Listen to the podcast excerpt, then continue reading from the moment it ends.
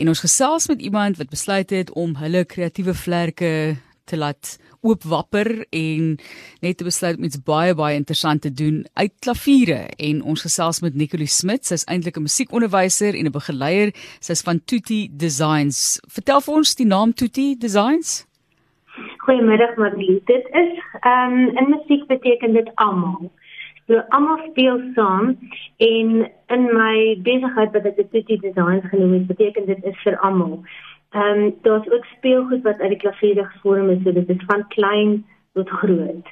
So kyk ek wil baie hartseer raak oor hierdie hele storie nê, want om 'n uh, klavier te gebruik op 'n ander manier as dit eintlik voor bedoel is, is maar nie 'n maklike besluit om te neem self van jou kant af ook as 'n musiekonderwyser.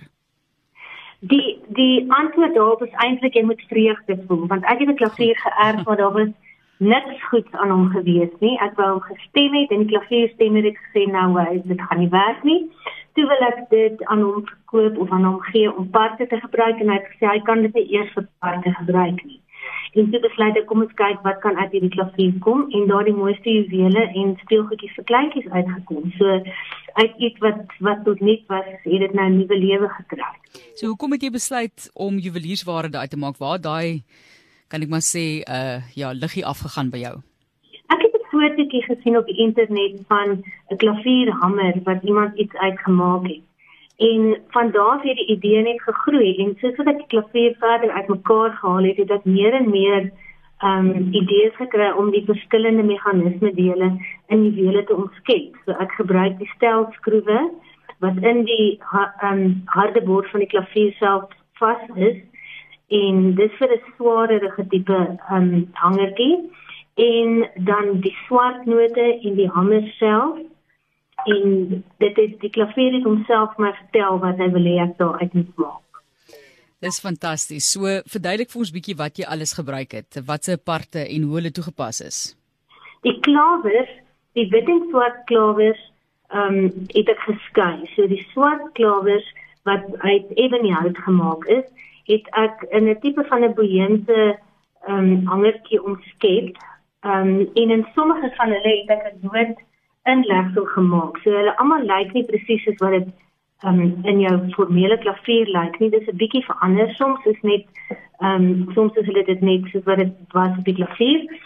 Dan die hamers is wat jy binne in die klavier kry wat die snare slaan sodat jy die die klank kan kry en dit giet ek dan in um resin is dit in, in Engels om dit kliphard te maak en sodat dit dan 'n hangertjie kan word wat 'n tipe van 'n rooskleur het. So dit gee vir jou 'n tipe van 'n aardse gevoel.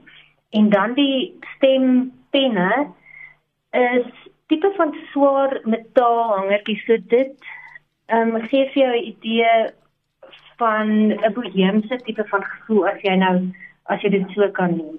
En wat verder daar uitgesprei het was die speelgoed want die kleiner meganismes van die klavier is van hout gemaak. En dit het die wonderlikste ehm um, armpies wat kan buig wat en en wat met veerkrag werk. En daaruit het ek speelgoed geskep vir kleintjies wat help met ehm um, met hulle klein met fyn motoriese bewegings en verbeeldingsspel is fantasties wat 'n mens kan doen as jy daardie kreatief kreatiwiteit agter jou het. Is daar nog redes hoekom jy dit gedoen het en net en nie net weens hierdie klavier wat nou nie meer eintlik gebruik kon word nie. Was daar ander redes daarvoor dink jy? Ek dink die hoofrede is eintlik om die geleentheid te gee as ek dit dan so sentimenteel kan stel vir die klavier om nog aan te hou lewe en 'n gesprek um, wat dit oopmaak met iemand. As ek nou rondloop met 'n klavier noot om my nek, dan sal iemand seker vra, "Waar kom dit nou vandaan?" En dan is dit vir my so sentimenteel om te dink iemand het daai noot hoeveel keer gedruk om 'n spesifieke liedjie te speel of 'n spesifieke stuk te speel. So dit gee vir my 'n storie van die juwele. Dit is nie net um, 'n gegote stukkie metaal of selfs van hout gemaak nie. Dit vertel 'n storie, amper soos 'n skildery.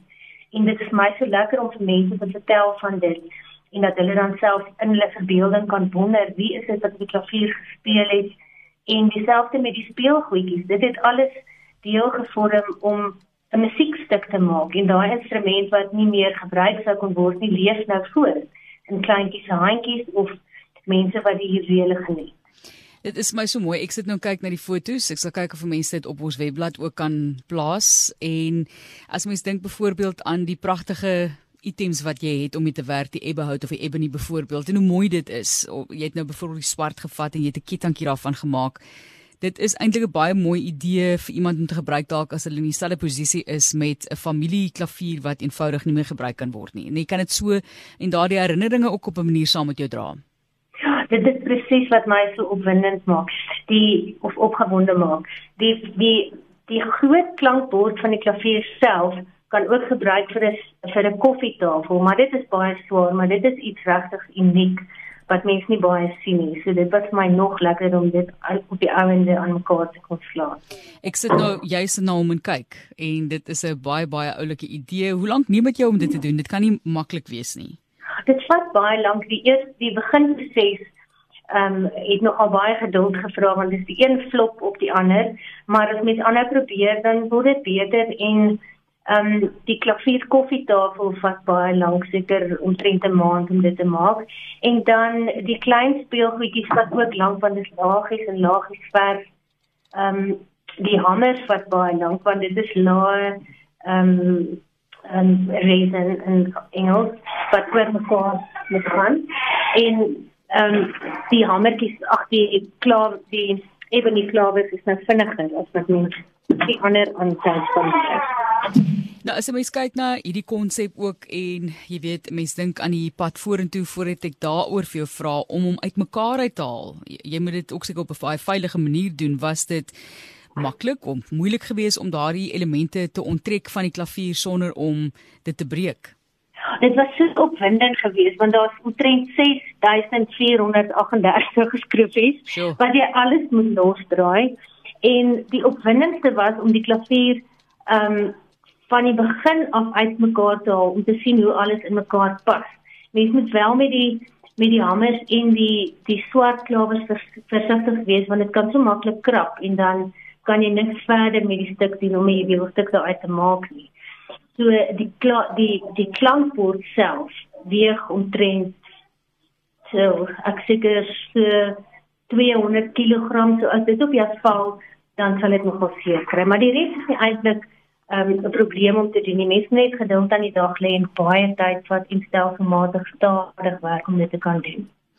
En dit is die kreatiewe gas wat ons mee gesels, Nicolie uh Smits en sy's van Tutti Designs en vir ons 'n bietjie meer vertel oor hierdie ou klavier wat sy geërf het en 'n klavierstemmer het toe gesê dit gaan duisende kos om die uh, klavier op te knap enigstens om hom te kan verkoop. Daar was nie veel maniere om dit te red enigstens anders nie en sy het toe gesê op 'n ander manier wil sy dit benader en as musiekonderwyseres besluit om items uit hierdie klavier dan saam te stel is daar ander objekte wat jy op so 'n manier 'n tweede lewe wil gee Daar is ek het die ehm um, klavier stoeltjie self ehm um, ek het die die bo die sitplek self afgehaal en dan die wit klawers daarin gepak ehm um, en dan 'n glas bo-oor.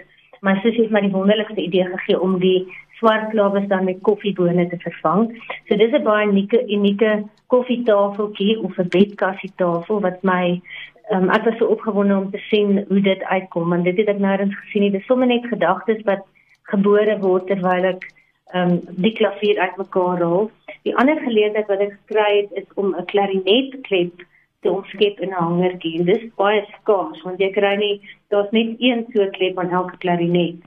En die laaste ding wat ek nou aan aan werk is om die stelskroewe van 'n cello te omskep in 'n hangertjie en self ehm um, daarin ook lood in inlegsels te doen wat baie tyd vat, maar dit is so opwindend. Die vaardighede wat jy nou daar beskikbaar het om dit te kan doen, waar kom dit vandaan? Dit is maar gebore uit ehm um, my voorliefde om met my hande te werk en om iets te skep. So ehm um, ek is nie noodwendig die netjieste werker wat ehm um, wat dit aanbetref wat betref fyn verfwerk en ehm um, lood inlegsel nie, maar mens leer dit soos wat jy aangaan en ehm um, en dis my voorliefde om te skep en van daardie af dink ek my hande moet maar net aanpas by wat my gedagtes sien en hulle moet baie vinnig um hulle self in rad kry om dit te kan verwoord wat ek sien. So dis my voorliefde daaruit om fisies dinge te skep. Ons sê vir jou baie dankie. Dankie vir inspirasie en die kreatiwiteit en Jacqueline jy gaan vir ons bietjie meer vertel in die toekoms wat jy gaan doen. Laat ons weet indien daar enigiets anders is wat jy jou hande op lê wat jy so kreatief wil verander en ek sal daai e-pos weer stuur. Ek dink daai foto's is maar baie groot. So ons kon dit nie deurkry op die stelsel nie, maar uh, pragtig om te sien wat jy daarmee gedoen het. Baie dankie vir die inspirasie. Baie dankie vir die geleentheid tot sien. Voordat jy gaan, vinnig, Tuti Designs, ek weet jy is ook op Facebook, is daar 'n manier wat mense daardie foto's kan sien, né? Nee? Ja, dis Tutti Designs, dis op Facebook en op Instagram ook.